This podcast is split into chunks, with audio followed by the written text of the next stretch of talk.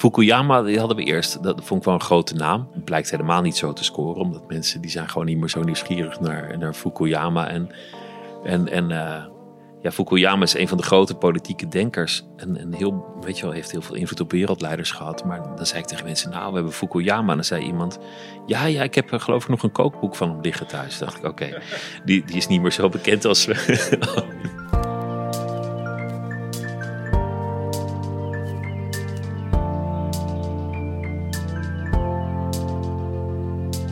podcast over podcasts. Meer meta gaat het niet worden. Mijn naam is Hidde Bruinsma en in deze serie ga ik in gesprek met podcastmakers over het maakproces.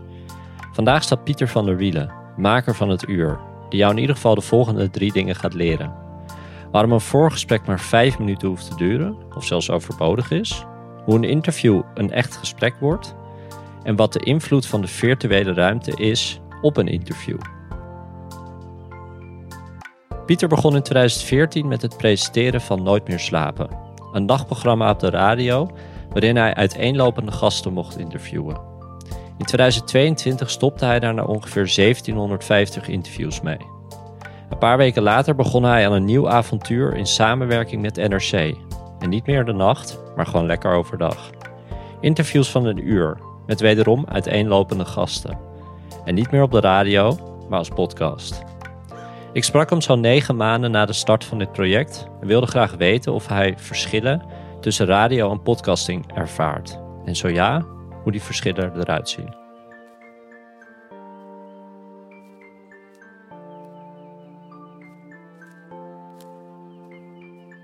Oh, er zijn een aantal in het oog springende verschillen. Een, een van de verschillen is dat radio live is.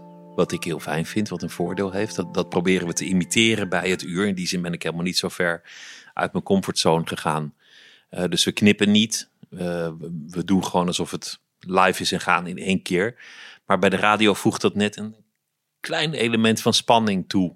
Van 3, 2, 1 en we zijn live. Je kan niks meer terugnemen. Wat, wat ik altijd fijn heb gevonden. En de nacht voegde enorm veel toe aan de sfeer of de stemming waarin je mensen binnenkreeg. Dus mensen die zeiden vaak dingen die ze niet voornemens waren te zeggen of, of waren iets emotioneler, gewoon omdat het laat wordt. Dus, dus dat was een voordeel wat je had bij, uh, bij de radio. En ook de luisteraar bevindt zich in een andere zone. Uh, wat een enorm voordeel van podcast is. En kijk, Nooit meer slapen was ook een succes of is ook een succesvolle podcast. Ja. Dat, dat, ging op een gegeven moment, kwam dat erbij. We deden een radioprogramma en langzaamaan ging die podcast uh, steeds, steeds meer scoren en publiek vinden. Maar de podcastluisteraar die, die stemt moedwillig af op een bepaalde aflevering. Dus dat is een heel ander soort luisteraar. Bij, bij radioluisteraars is het vaak de gewoonte. Dus ze hebben gewoon elke dag rond dat tijdstip de radio aan en dan vallen ze in slaap. Of ze zitten toevallig in de auto. Uh, ongeacht wie er zit of wat ze krijgen. Dus het is een, een, een heel uh, ja, dus als jij er een keer niet was, dan luisterde ze ook. Ja, net zo makkelijk. Dat maakt allemaal niet zo uit. En, en ook als er een gast zat die ze niet aanstaat. Uh, en je hebt ook heel veel publiek dat, dat daardoor bijvoorbeeld heel kwaad kan reageren, wat bij de radio is. Omdat ze zeggen, oh, dat linkse gelul altijd. En uh, gaat toch allemaal dood. dat doen ze bij podcasts niet? De, nee, veel minder. Omdat dan stem je er niet op af. Als, als, ja, je hebt een bepaald verwachtingspatroon. En, en natuurlijk kan het teleurstellend zijn. Of kan je een mening erover hebben. Maar als je het links gelul niet wil horen, dan ga je niet luisteren. Nee, als je, als je, als je alles links gelul vindt en er staat klimaatverandering en jij gelooft daar niet in, dan, dan is dat misschien niet je podcast. Dus, dus je hebt een heel ander publiek. En dat het uitgesteld is, dat, dat is ook wel een interessant element, omdat je, je kunt een podcast maken en dan, dan blijkt het ineens drie, vier weken later een succes te zijn geworden. Terwijl het aanvankelijk niks leek te doen. Maar dan, dan, dan gaat het soort van, ja, viral is weer een heel groot woord, maar dan vindt het zijn publiek. En dan ineens denken mensen, god, die moet ik eens luisteren, of dat, die krijgt het aangeraden. Dus je hebt, je hebt een heel andere relatie met je publiek. En, en dat vind ik heel interessant. En dat is denk ik het grootste verschil met, met radio. En merk je ook al dat je nu mailtjes krijgt van luisteraars? Ja, best wel veel, moet, moet ik zeggen. Meer dan op de radio? Um, op de radio kreeg ik niet echt mailtjes persoonlijk. Nee. Die, die, die, kwamen dan uh, zeg maar uit bij de VPRO, die ze niet altijd doorstuurden. Kwam ook omdat ik op een gegeven moment had gezegd, stuur ze maar niet door. Want was zo aardig waren die mailtjes per definitie niet. Um, maar, maar nu merk je echt dat, dat mensen zich meer betrokken voelen. Dus, dus bij een podcast hebben ze echt het idee dat het ook van hun is. Dat, dat het een soort van hun vaste podcast is of zo. Dat ze, dat ze tot een soort club behoren of, of, of zo'n soort Ja, gevoel maar zit. dat verschil merk je nu al na 9, 10 maanden. Is dat wel echt al heel duidelijk. Ja, Ja, dat is grappig, want ik, ik, ik had laatst een gesprek met Chris Baaienma. Die zei eigenlijk precies hetzelfde. Die is op een gegeven moment van radiomaker naar, naar podcastmaker gegaan. En die, eh, die had dan beloofd aan zijn publiek om elke twee weken uit te komen. En na, na twee maanden had hij toch zoiets van, ja, dat lukt me deze maand niet. En toen kreeg hij meteen mailtjes van mensen die zeiden, hey, hoe, hoezo ben je er niet? Ik wacht op die aflevering. En dat had hij dus nog nooit meegemaakt op de radio. Op de radio kreeg hij misschien één, twee keer per jaar een berichtje. En nu werd hij gewoon elke week werd hij gemaild door mensen die, die of enthousiast waren, of die kritiek leverden, of die zeiden waar blijft die aflevering. Dus hij had een veel directere band met zijn luisteraar. ja en dan, dan word je deel van iemands eh, week, zeg maar. Dat ik bij, de nacht ook wel hoor, dat mensen altijd vast in slaap vielen met dat programma. Dus dan, dan krijg je ook wel een soort, soort band, of mensen krijgen een band met dat programma. Maar omdat mensen het zelf opzoeken en het zelf actief moeten aanklikken, in, in die handeling, daar zit zoveel in besloten dat, het, eh, dat, dat die betrokkenheid groter wordt. Ja. Is er iets veranderd in je voorbereiding ten opzichte van de radio? Als je een, bij het maken van een podcast aflevering? Nee, nee, niet echt. Hoe, hoe ziet die voorbereiding er een grote lijn uit? Ehm, normaal gesproken zou ik altijd beginnen met datgene wat de aanleiding voor het gesprek is, als die er is. Dat, dat nemen we bij de podcast iets losser dan, dan, dan op de radio. Op de radio was het best wel agenda volgend. Dus iemand schrijft een boek of heeft een voorstelling en dan komt hij naar de radio. Nu doen we het eigenlijk veel meer van, nou, we zouden die wel eens willen spreken. Ehm, de- deze week ga ik met Robert Dijkgraaf praten. Daar is niet een directe reden voor, maar dat je gewoon denkt, van, nou, dat is een interessante man. En dan vraag ik, wanneer, eh, wa- wanneer heb je tijd? Dus dat is een hele andere manier van werken. Maar normaal begin ik in de voorbereiding met de, het boek of, of de film of wat de aanleiding is. Dan lees ik oude artikelen. Eh, dan ga ik heel veel overleggen met de, met de redactie. Dus, dus eh, één iemand Ja. bij de podcast. Bij Nooit meer slapen waren het veel Nou, meer mensen. Ja, omdat het natuurlijk een dagelijks programma was, eh, of is. Heb je, een, heb je een grotere club die het maakt, nog steeds niet, niet eh, enorm groot. en Niet een soort ministerie of zoiets. Maar eh, veel, veel over, ja, is dit, is dit een goed, is dit al te vaak gevraagd? Zou dit interessant zijn? Zullen we dit eens proberen? Zou, zou daar iets zitten? Weet je, op, op die manier een beetje dat aftasten. En wat ik niet doe en wat ik eigenlijk nooit gedaan heb, is, is vragen uit gaan typen of, eh, of een hele strakke opzet maken. Heb je dat nooit gedaan? Nee. Nee. Dus je hebt eigenlijk al vanaf het begin dat je je vooral inleest. Je Ja, maakt en- aantekeningen, gok ik. Ja, zelfs dat niet altijd. Maar ik doe het, ik doe het het liefst uit mijn hoofd. En soms krabbel ik wel op een. Als, als ik weet dat er ergens in het gesprek een hele moeilijke naam langskomt, dan krabbel ik die misschien op een papiertje. Dat je, dat je hem goed uitspreekt. Maar zelfs dat doe ik niet altijd. Maar ehm, Heb je een heel goed geheugen. nou, hiervoor heb ik een goed geheugen. Voor heel veel andere dingen eh, dan weer niet. Maar, Je was onze afspraak net ook vergeten. Ja, daarom. Dus daar heb ik dan weer, dan is dat geheugen ineens helemaal niet zo, eh, zo sterk. Maar ik kan, kan vrij goed memoriseren van hier, hier wil ik dat het over gaat en dit moet ongeveer de lijn worden. Eh, en als het anders loopt, is dat helemaal niet erg, zolang het maar leuker is dan wat je in gedachten had. Ja, want ik kan me voorstellen dat je dan ook wel af en toe dingen vergeet.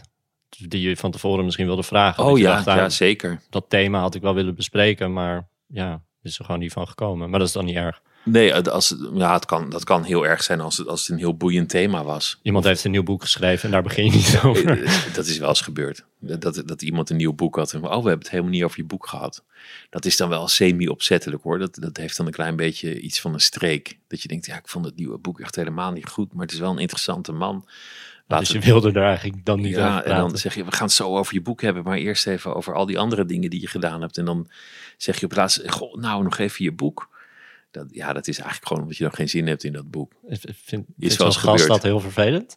Ja, dat vinden, dat vinden gasten dan over het algemeen niet zo heel leuk. Omdat die komen toch ook om iets te, iets te verkopen. Ja. Dat is ook een beetje PR.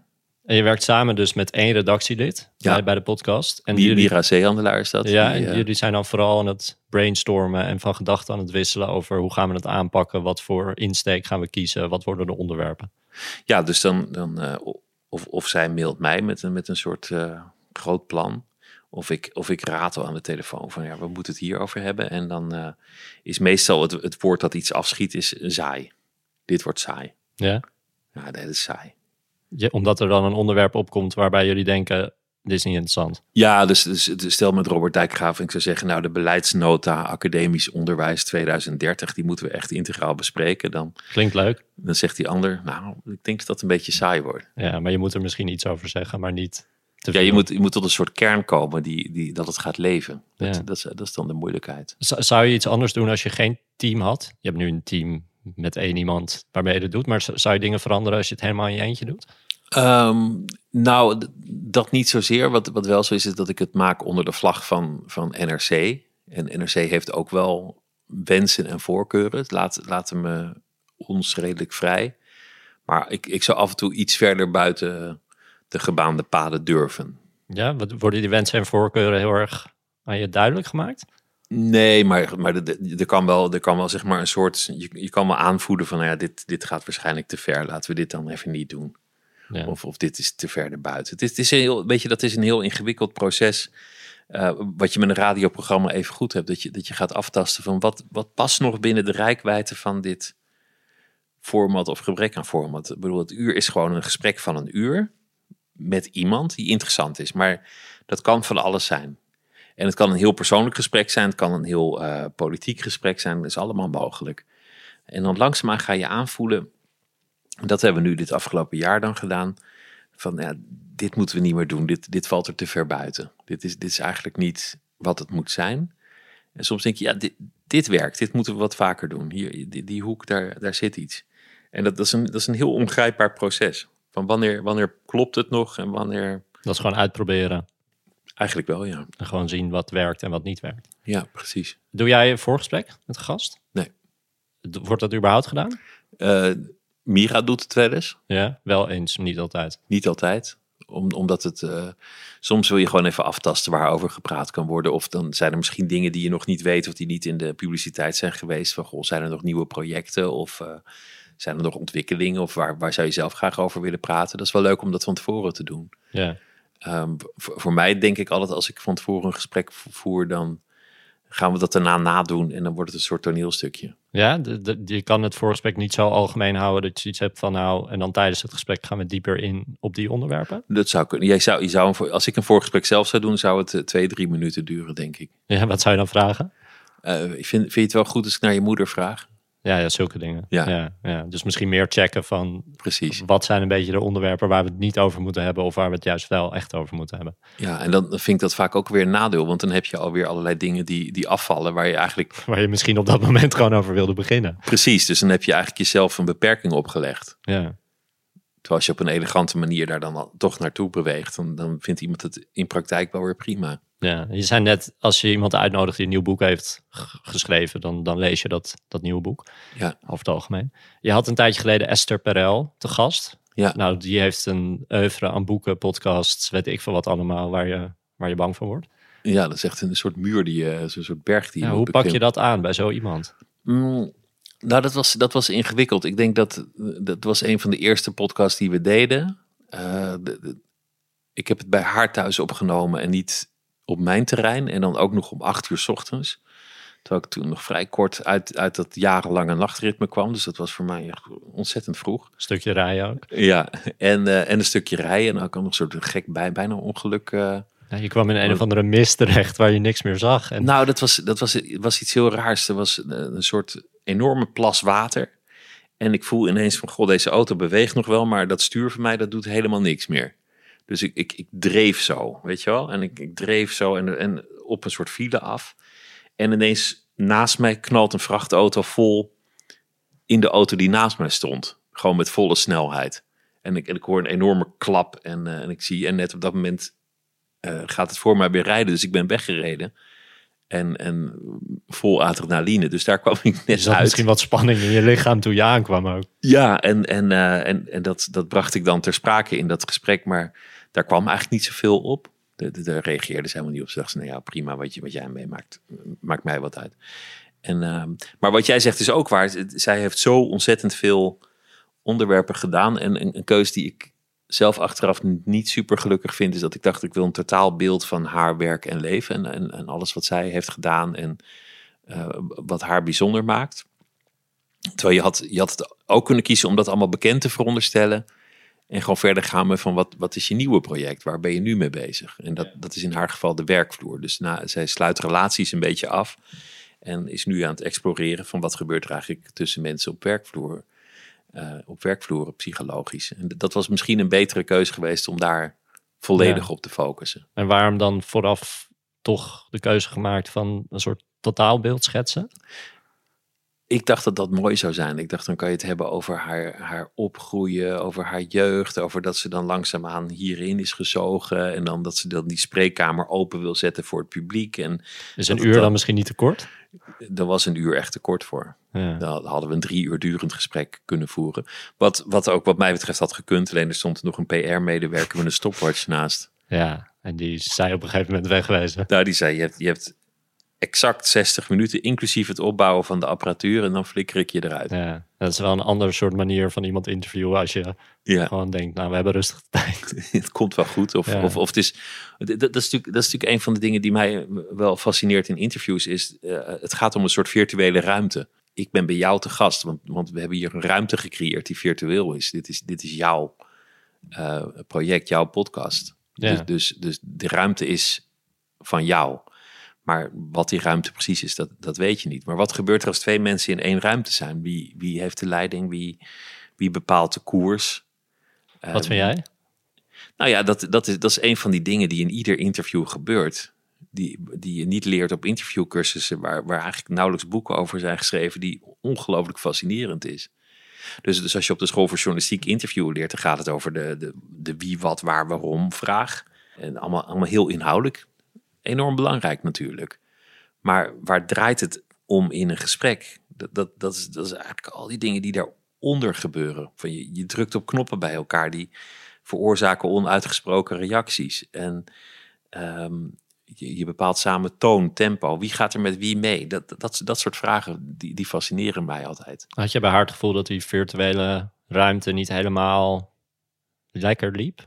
Dat dat nee, nee het, was, het, was, het was haar ruimte. Maar je, kijk, je komt bij haar thuis op haar tijd. Dat jouw met, programma. Met haar PR-medewerker. En ehm, ja, wie, wie heeft de leiding in dat gesprek? Ik, ik, ik dacht echt een beetje van, ik, ik voelde me een beetje een jongen van de schoolkrant die... Uh, die, die, langskwam. Die, die langskwam voor, voor, voor, eh, voor, de school, ja, voor de schoolkrant. Maar heb je dan in voorbereiding op een gesprek met iemand die zoveel heeft geschreven, zoveel heeft gepubliceerd, lees je dan al haar boeken? Uh, niet allemaal in dit geval. Wel, wel veel. Wel veel. Ja, ik ben, ik ben toen wel twee weken helemaal ondergedompeld in de podcast. Maar die kan je ook niet allemaal luisteren. Ik had best wel veel, had ik al eens geluisterd. Ja. Maar dat, ja, om, er, om er helemaal in te duiken, dat ga je niet meer redden. Dat is veel te veel. Veel te veel. En het, en het komt ook steeds terug op een aantal ideeën. Dus er zijn een paar uitgangspunten in haar denkwijze die ze elke keer opnieuw toepast in een nieuwe situatie. Dus in die zin herhaalt het zich ook wel. Is het, is het fijner om iemand te interviewen die al heel vaak geïnterviewd is? Of iemand die misschien nog nooit of bijna nog nooit geïnterviewd is? Ehm, nou, het maakt niet zoveel uit. Het heeft allebei zijn voordeel en zijn nadeel. Je, je kan natuurlijk bij een vaak geïnterviewd persoon in een groef komen. Mhm. Dat je denkt, oh ja, hier komt, hier komt een riedel. Hier, dit heb je vaker verteld. En iemand die nog nooit geïnterviewd is, dan, dan, kan, dan kan je ook te maken hebben met zenuwen bijvoorbeeld.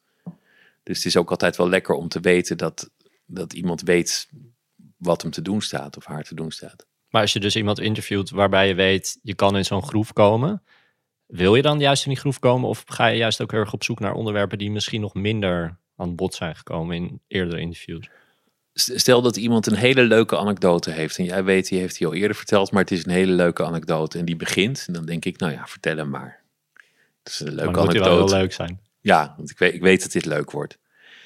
Ehm, een politicus in verkiezingstijd, dat, ik doe dat vrij weinig, hè, politici.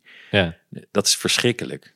Dat is echt afschuwelijk, want die, die, die halen diep adem. Die zeggen nou twee dingen en dan wam, ze zijn vertrokken. En dan komt het hele partijprogramma eruit. Ja, dan gaan ze door naar de volgende. En jij komt, jij komt er gewoon niet meer tussen. Eh, ik, ik had laatst eh, voor de radio, ook doe, doe op zaterdagochtend ook, hè, een, een eh, gesprekje ook nog over de telefoon met Frans Timmermans. Nou, dat vind, dat vind ik echt verschrikkelijk. Dat vind ik echt afschuwelijk, zo'n man. Weet je wel, die, die heeft niet eens meer door wie die aan de lijn heeft. Die, die, die loopt gewoon helemaal leeg. Die deelt zijn, zijn boodschap. Ja, en dan, die geeft zichzelf al complimenten. Dat vind ik ook verschrikkelijk. Dat, dat, uh, ik vind politici interview in die zin uh, heel moeilijk. Ze zijn, zijn enorm geharnast, gaan ze zo'n interview in. Politiek verslaggevers hebben, hebben zichzelf aangeleerd van ik moet, ik moet tegengas geven. Ik moet, moet door die muur heen beuken. Waardoor die ander zich nog, nog meer is gaan wapenen. Dus je krijgt een soort wapenwedloop. En het netto resultaat is dat volgens mij het publiek gewoon afhaakt bij politieke interviews. Maar jij zegt, ik doe dat bijna nooit. Nee, niet heel vaak. Nee. Zou, zou het niet juist een uitdaging zijn om, om dan wel dat vaker te doen en nou, daar een beetje doorheen te kunnen breken? Dat, dat is wel een van de dingen die ik wat meer zou, zou willen doen. Maar dan als het lukt om een format te verzinnen of een, of een wijze of een moment uh, waarin je eruit kan komen. En dus, dus uit die dicht geharnaste PR-riedel van, van een politicus. Want ik, ik, trek het gewoon ook niet meer. En ook niet dat je zelf als interviewer in die rol komt van... Uh, nou, eh, zit je nog wel in het zadel? Zit je niet te overwegen om af te treden? Het, het, zou leuk zijn als daar een nieuw format voor bedacht werd. Of een nieuwe, een nieuwe werkwijze. En het uur is niet het format wat daarbij past? Nou ja, we hebben nu Robert Dijkgraaf, omdat ik, dat ik hem ken. Van toen hij nog wetenschapper was. Dus ook niet dat we bij elkaar thuiskomen of zo. Maar, maar uh, vaker heb geïnterviewd. En ik denk dat je met hem nog wel een wat beschouwelijker gesprek kan hebben. Zonder dat je meteen het hele partijprogramma. Ik vind hem ook wel een van de ja, meest benaderbare politici. Ja. In ieder geval, ik ken hem niet, maar als ik, als ik hem op tv zie, denk ik, ja, leuke vent om mee te praten. Terwijl je natuurlijk ook politici hebt waarbij je zeker weet dat je het hele partijprogramma krijgt. Ja, dat, dat nou, weet, weet die jongen van D66, die was ook een keer geïnterviewd. Vond ik ook echt afschuwelijk. Echt, echt, ik dacht, Jezus Christus, dat, uh, die, die heeft gewoon helemaal niet meer door wie er tegenover hem zit, weet je wel. Nee, dat is niet zo leuk. Nee. Maar je hebt dan je hele voorbereiding gedaan. Je gaat, je gaat naar, naar de NRC-studio, daar ga je in gesprek met, uh, met een gast. Hoe, hoe lang van tevoren ben je dan aanwezig? Um, nou, ik, ik, ik, ik, hou niet van te laat komen. Dus, dus dan, uh, ik zorg dat ik er een half uur of een uur van tevoren ben. Oh, zo lang wel? Ja. En is de gast er dan ook al? Nee, nee ik vind, ik vind dat, je, dat je, je bent gastheer, dus je moet er wel al zijn als de gast binnenkomt. En hoe lang van tevoren is de gast er meestal? Vijf à tien minuten. Oh, zo kort. Echt kort. En dan ga je heel even eh, praten over het weer? Ja, heb je een goede reis gehad, kon je het vinden, kon je je auto kwijt? Nee, ja, moeilijk hè. En dan uh, zo snel mogelijk die studio in. En ja, ik vind, ik vind eigenlijk moet een interview een ontmoeting zijn. En die ontmoeting die, die moet zoveel mogelijk plaatsvinden in het bijzijn van het publiek. Dus, dus alles wat daarvoor is, dat, dat, ja, dat is niet zo relevant. Je wil eigenlijk het liefst dat je elkaar treft als die microfoon aanstaat. Dat, dat is toch het spannendst.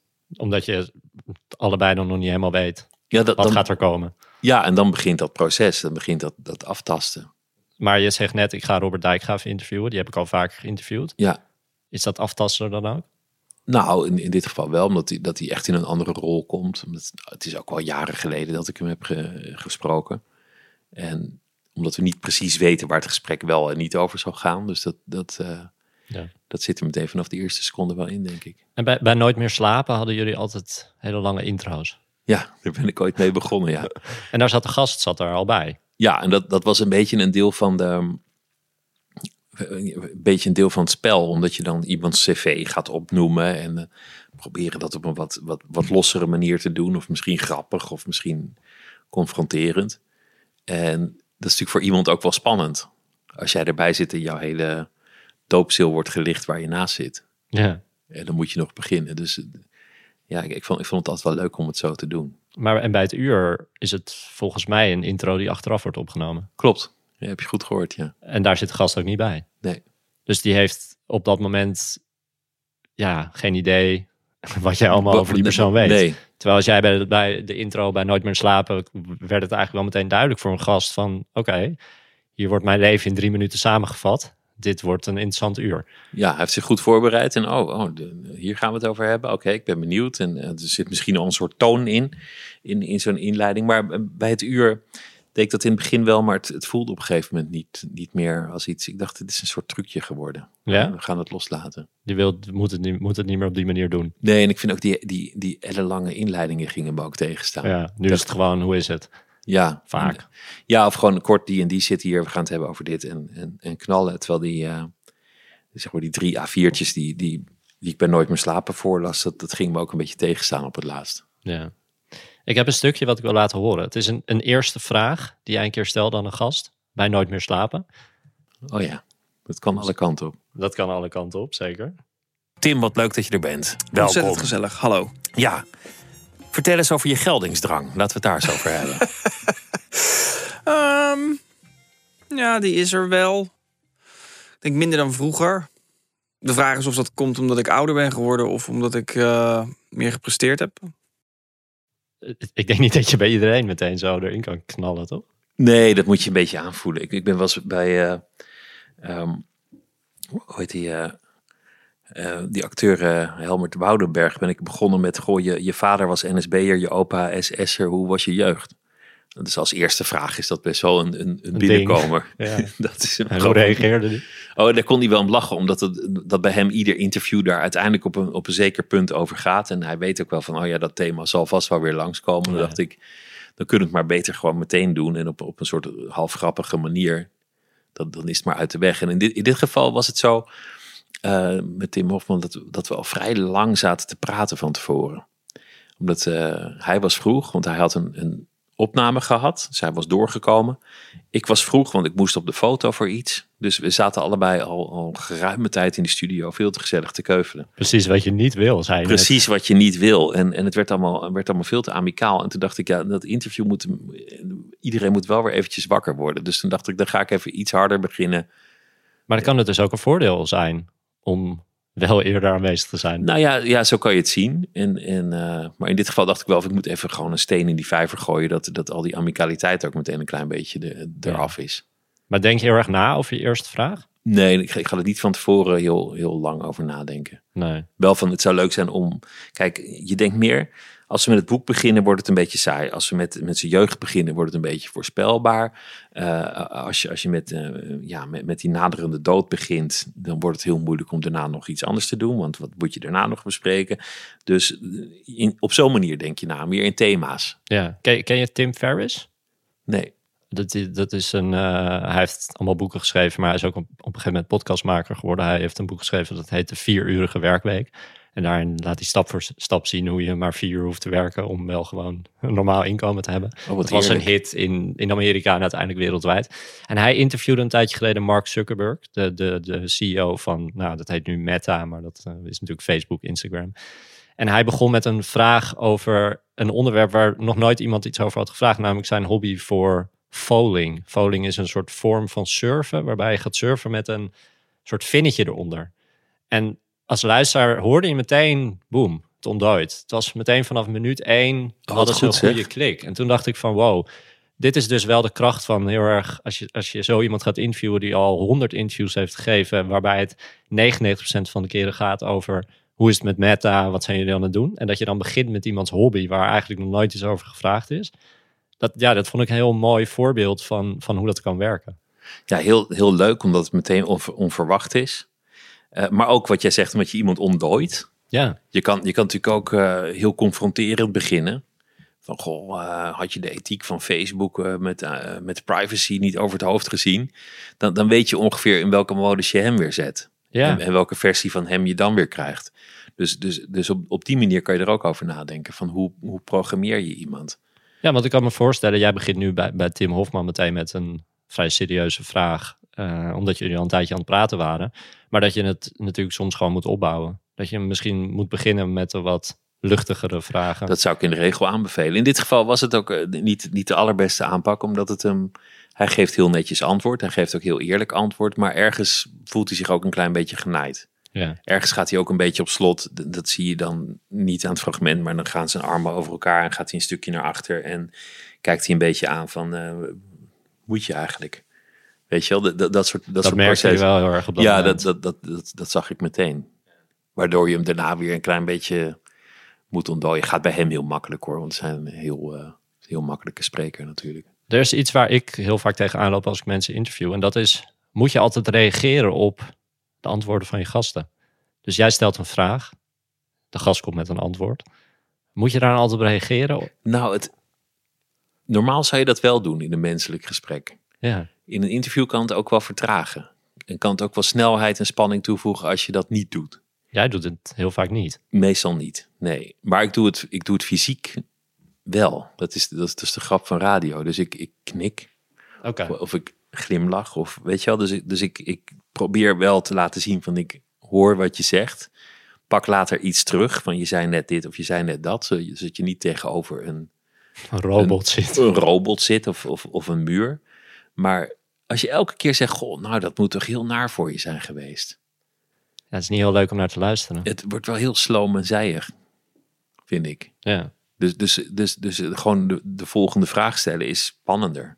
En is dat ook met over, overgangen naar volgende onderwerpen? Ik, ik kan wel eens hebben dat ik heel erg bruggetjes wil maken. Dus dat ik Ja, denk, die, die, laat die bruggetjes lekker weg. ja, gewoon harde overgangen naar Ja. het volgende onderwerp. Kan, kan prima. Ja. Nog mooier is het als het allemaal een beetje natuurlijk verloopt. Nee, tuurlijk, dat, dat is Dat uiteindelijk het doel. Maar, Maar dat- soms denk je, nou, dit onderwerp hebben we gehad, dan gaan we nu eh, door naar het volgende. Dat kan je zeggen. Nou, dit onderwerp hebben we gehad, dan gaan we het nu hebben over je vorige boek.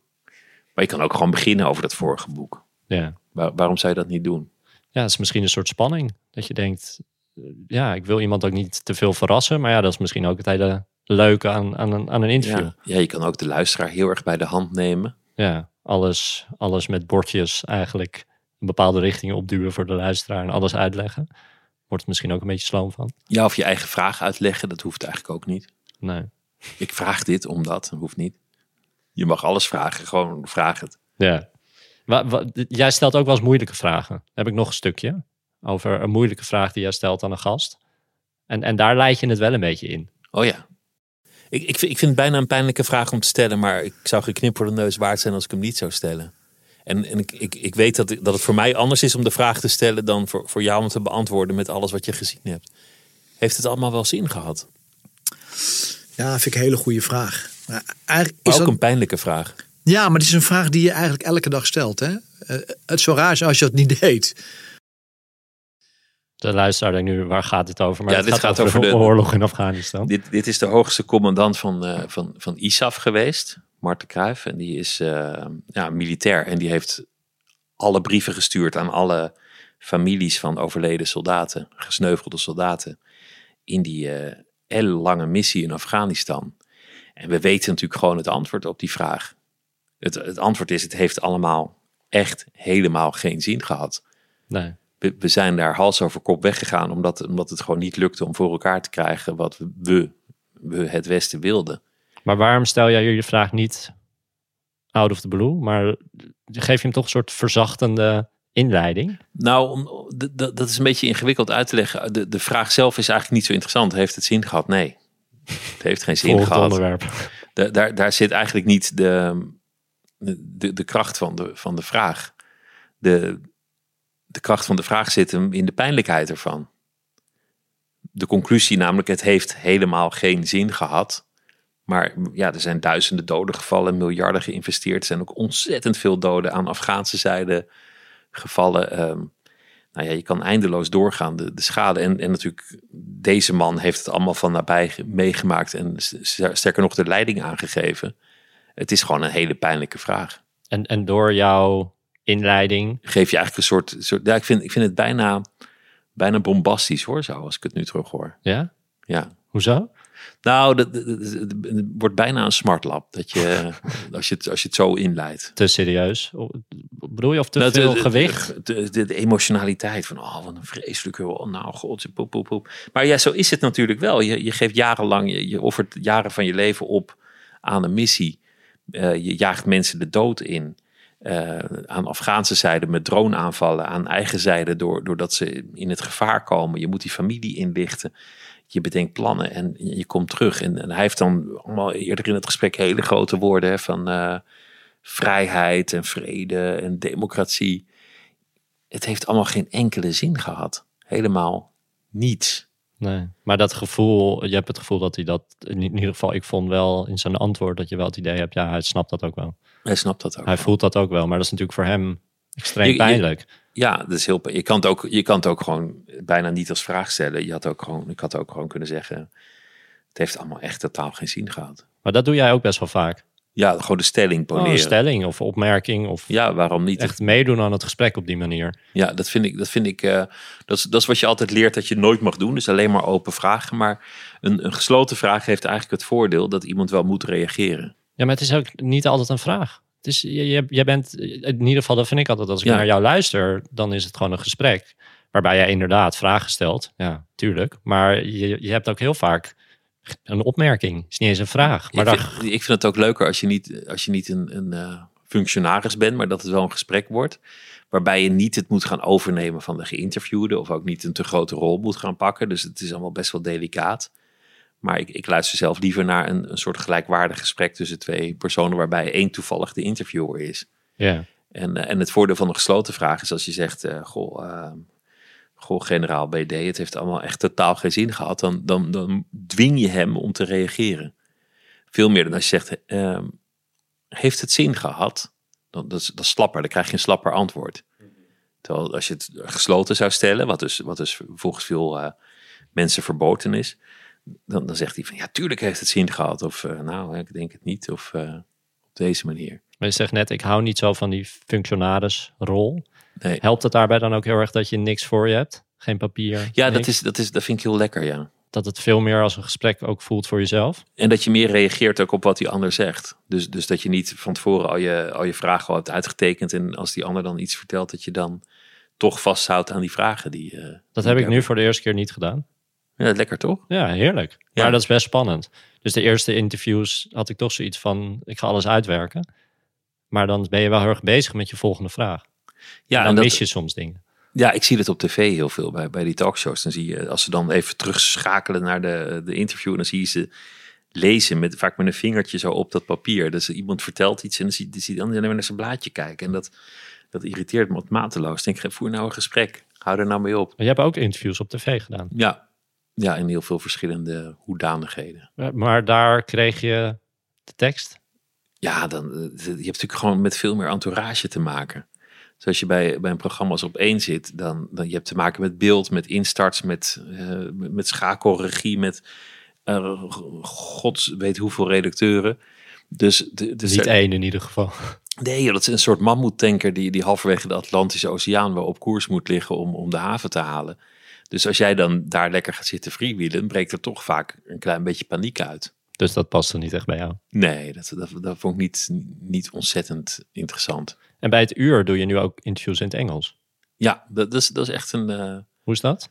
een primeur. Nou, het gaat wel. Het valt wel mee. Kijk, je, je, bent, je loopt natuurlijk een beetje op krukken als jij niet een native speaker bent. Ja. Dat is een heel interessant eh, gegeven. Ik zag een interview van, van een, een Nederlandse vrouw voor de VPRO. Ik weet niet precies waar dat, waar dat voor was, maar die had Jordan Peterson geïnterviewd. ja, die ken ik wel. En eh, zij dacht, ik ga er een heel confronterend gesprek van maken. Ik ga die man enorm eh, aanvallen.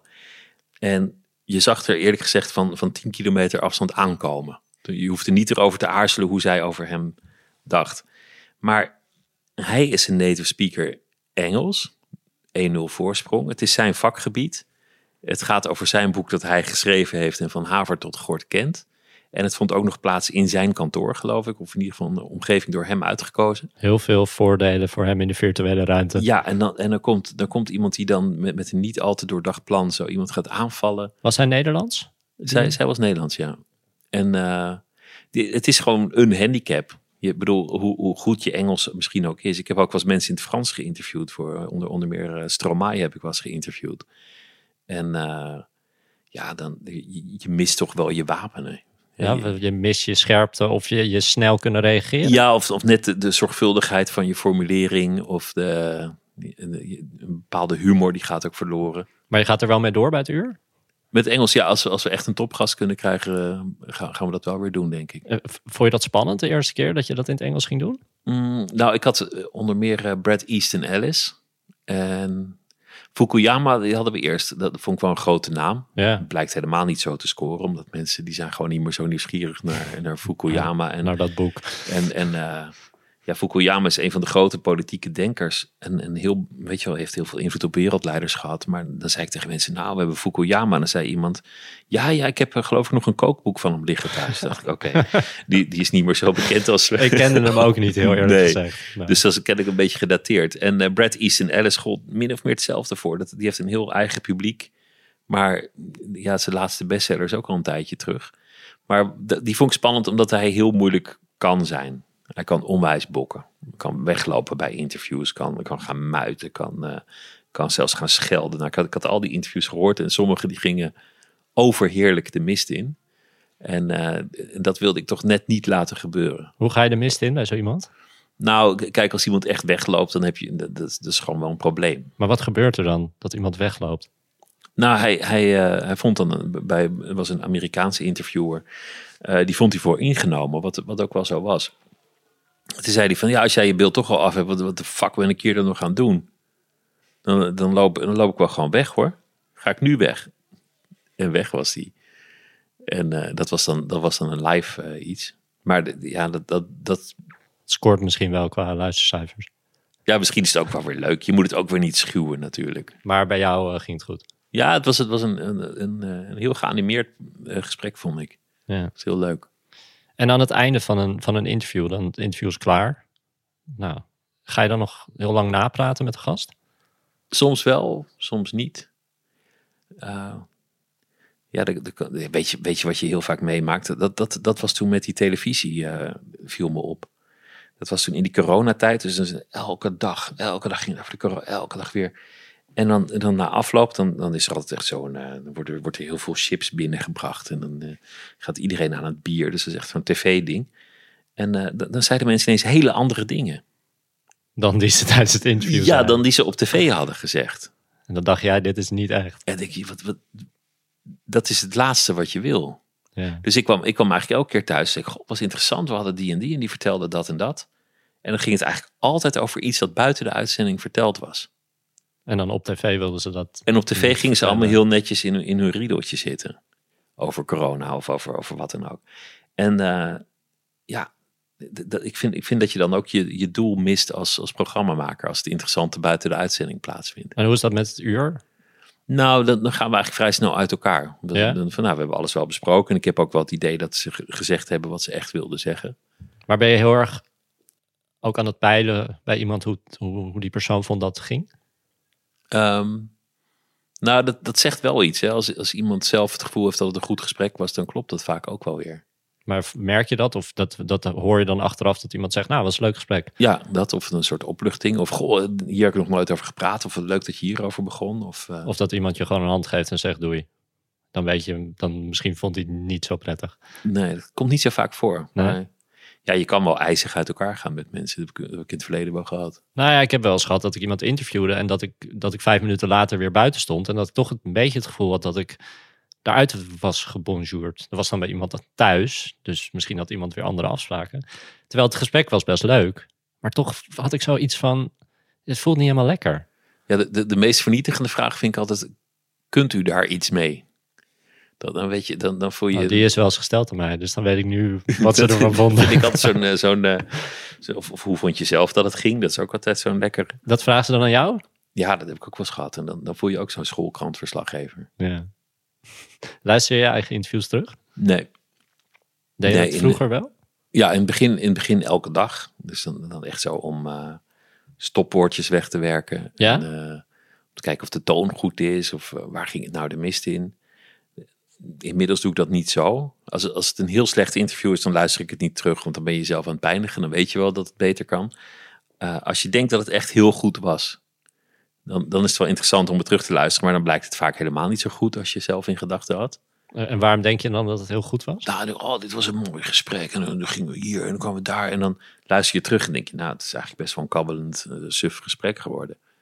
Dus dat, dat is dan wel leerzaam, maar moet je ook niet te vaak doen. Want dan Nee. eh, ontmoedig je jezelf zo. Maar in het begin echt meeschrijven, stopwoordjes eruit halen. Waarom stel ik die vraag niet daar? Ja, of, je, je- weet je, je mist, je mist ook wel dingen. En dat, dat is natuurlijk heel kwalijk. Dat iemand iets wil gaan zeggen of een enorme opening biedt. En jij walst er gewoon overheen omdat je zo je plan ook klaar hebt. Omdat je al je vragen hebt uitgeschreven, maar dat doe jij nooit. Nee, om, om die reden. En eh, in een interview, dat, dat heb ik al eens eerder gezegd hoor, maar dat de, de geïnterviewde geeft je altijd een paar dingen cadeau. Maar de vraag is of jij die cadeautjes herkent en uitpakt. En dat, dat- heeft ermee te maken of je voorbereid bent, of je weet waar het zit. Maar het kan zomaar zijn dat iemand een enorme primeur aan je geeft en dat je dat niet eens door had, omdat je, dat je een andere koers had of misschien niet goed op de hoogte was van de precieze ins en outs. Dan luister je wel eens naar andere interviewpodcasts. Ja.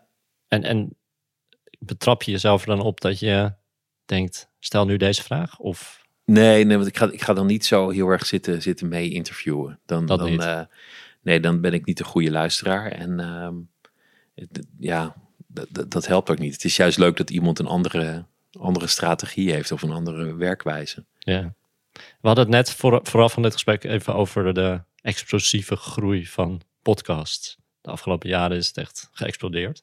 Eh, zou jij in de toekomst nog meer willen doen met, met een medium podcast? Ja, ja, ik vind het heel leuk dat het, dat het zo'n eh, zo'n vlucht heeft genomen. Ik denk dat we nu in een hele interessante fase komen dat het zich gaat uitkristalliseren. Dus, dus ja, op zeker ogenblik heeft iedereen een podcast. En elk bedrijf wil een podcast. En we willen iets met podcast. Dus ja, ik kan me niet voorstellen dat iedereen alles nog kan luisteren. Maar goed, kijk, eh, in, in de bladenmarkt zijn de, hobby, de hobbybladen de enige die nog echt vier overeind staan. Dus als jij een, een podcast over hengelsport Ja. begint of over, over, over motorrijden of, of dat soort dingen, dan, dan zal, zal er nog wel een markt in zitten. En wat zou jij wel willen doen? Nou, ik, ik, ik heb bij het uur gemerkt dat alles wat met, met zelfhulp te maken heeft, dat dat eigenlijk heel leuk is. En om dat dan te doen op een, op een intelligente, iets wat literaire manier, om gewoon te praten over, over de, de eenvoudigste vraag, hoe te leven. Van oké, je wordt op aarde neergeflikkerd. Zoals de doorzongen eh, Like a dog without a bone into this world we're thrown, weet je wel. Eh, ja, hoe doe je dat eigenlijk? Niet een hele makkelijke vraag. Nee, dat is een hele moeilijke vraag die je vanuit heel veel invalshoeken kan, kan stellen. En er zijn heel veel mensen van allerlei allooi die, daar, die daarmee bezig zijn. En, en het zou mij heel leuk lijken om daar de, de krenten uit de pap te vissen. Zou, zou je een podcast willen maken over Parijs? Oh ja, maar er zijn er al een paar. Ja, maar dat doe jij natuurlijk net weer anders. Nou, dat, dat is wel de bedoeling. Er is een hele leuke Franse, die gaat heel erg over de geschiedenis. Dus die, die gaan, kijk, je kan in elke straat in Parijs kan je een, eh, kan je een podcast verhaal vinden. opnemen. Ja, dat, God, die heeft hier gewoond en die heeft daar gewoond en dit is hier gebeurd. Dus, dus er er is een, een, een Vlaamse meneer, die, die had wel een mooie podcast gemaakt. Ik wil het niet te kort doen, maar ik dacht op een gegeven moment wel van, goh, ik heb zin om door Parijs te lopen, maar niet met jou. Weet je wel, dit- dat werd een beetje zo'n soort, soort zuur van, ja, weet je wel, dit.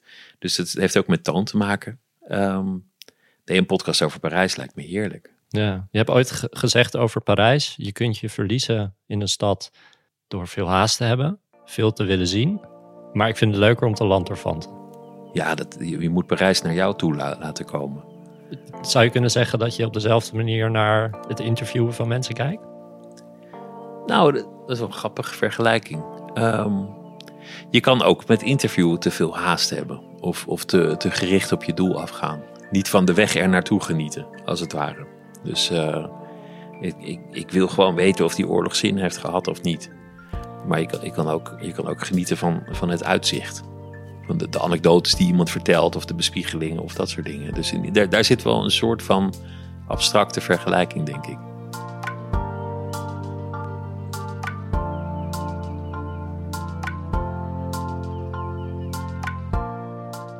Wil je meer horen van Pieter? Het uur verschijnt iedere week en is op elk podcastplatform terug te vinden.